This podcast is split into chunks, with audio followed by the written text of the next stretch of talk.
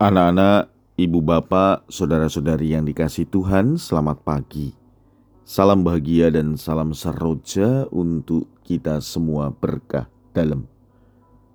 Bersama dengan saya, Romo Antonius Garbito Pambuaji menyampaikan salam dan berkat Allah yang Maha Kuasa dalam nama Bapa dan Putra dan Roh Kudus. Amin. Hari ini Selasa 6 Februari dalam hari biasa pekan biasa ke-5 bertepatan dengan peringatan wajib Santo Paulus Miki dan teman-temannya martir. Bacaan pertama dalam liturgi hari ini diambil dari kitab pertama Raja-Raja bab 8 ayat 22 sampai dengan 23, dilanjutkan 27 sampai dengan 30. Bacaan Injil diambil dari Injil Markus bab 7 ayat 1 sampai dengan 13. Pada suatu hari, serombongan orang Farisi dan beberapa ahli Taurat dari Yerusalem datang menemui Yesus. Mereka melihat beberapa murid Yesus makan dengan tangan najis, yaitu dengan tangan yang tidak dibasuh. Sebab orang-orang Farisi, seperti orang-orang Yahudi lainnya, tidak makan tanpa membasuh tangan lebih dulu, karena mereka berpegang pada adat istiadat nenek moyang. Dan kalau pulang dari pasar, mereka juga tidak makan kalau tidak lebih dahulu membersihkan dirinya. Banyak warisan lain lagi yang mereka pegang, umpamanya hal mencuci cawan, kendi, dan perkakas tembaga. Karena itu orang-orang Farisi dan ahli-ahli Taurat itu bertanya kepada Yesus, mengapa murid-muridmu tidak mematuhi adat istiadat nenek moyang kita? Mengapa mereka makan dengan tangan najis? Jawab Yesus kepada mereka, Benarlah nubuat Yesaya tentang kamu, hai orang-orang munafik. Sebab ada tertulis, bangsa ini memuliakan aku dengan bibirnya, padahal hatinya jauh daripadaku. Percuma mereka beribadah kepadaku, sebab ajaran yang mereka ajarkan ialah perintah manusia. Perintah Allah kamu abaikan untuk berpegang pada adat istiadat manusia. Yesus berkata kepada mereka, Sungguh pandai kamu mengesampingkan perintah Allah supaya kamu dapat memelihara adat istiadatmu sendiri. Karena Musa telah berkata, hormatilah ayahmu dan ibumu, dan siapa yang mengutuki ayahnya atau ibunya harus mati. Tetapi kamu berkata, kalau seorang berkata kepada bapak atau ibunya apa yang ada padaku yang dapat digunakan untuk pemeliharaanmu, sudah digunakan untuk kurban, yaitu persembahan kepada Allah maka kamu membiarkan dia untuk tidak lagi berbuat sesuatu pun bagi bapak atau ibunya. Dengan demikian, sabda Allah kamu nyatakan tidak berlaku demi adat istiadat yang kamu ikuti itu.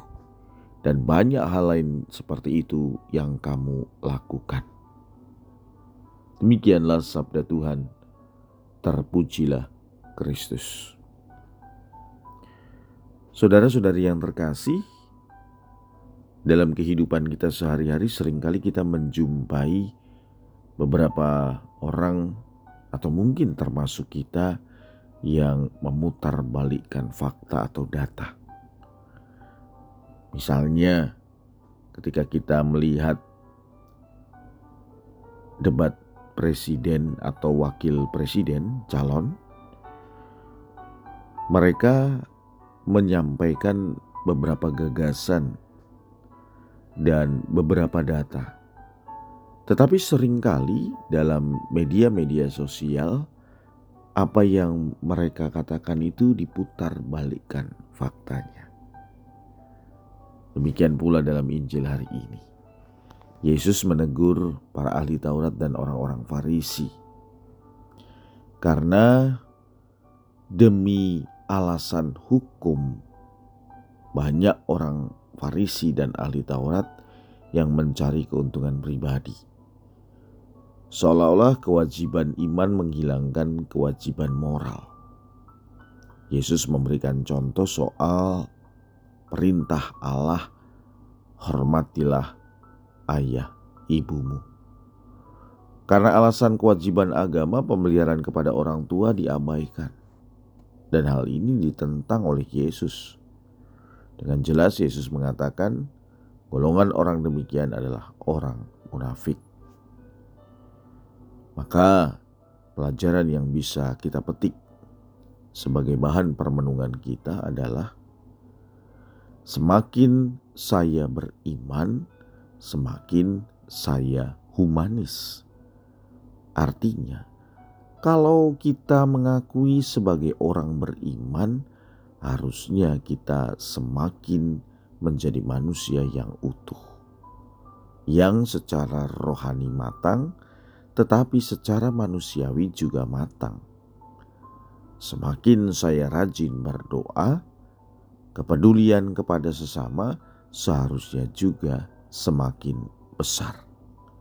Bukan justru kebalikannya, semakin saya banyak berdoa justru semakin menyendiri dan tidak kenal orang. Marilah kita berdoa. Ya Tuhan, semoga sabdamu hari ini meneguhkan sekaligus juga mampu kami wujudkan. Berkat Allah yang Maha Kuasa dalam nama Bapa dan Putra dan Roh Kudus. Amin.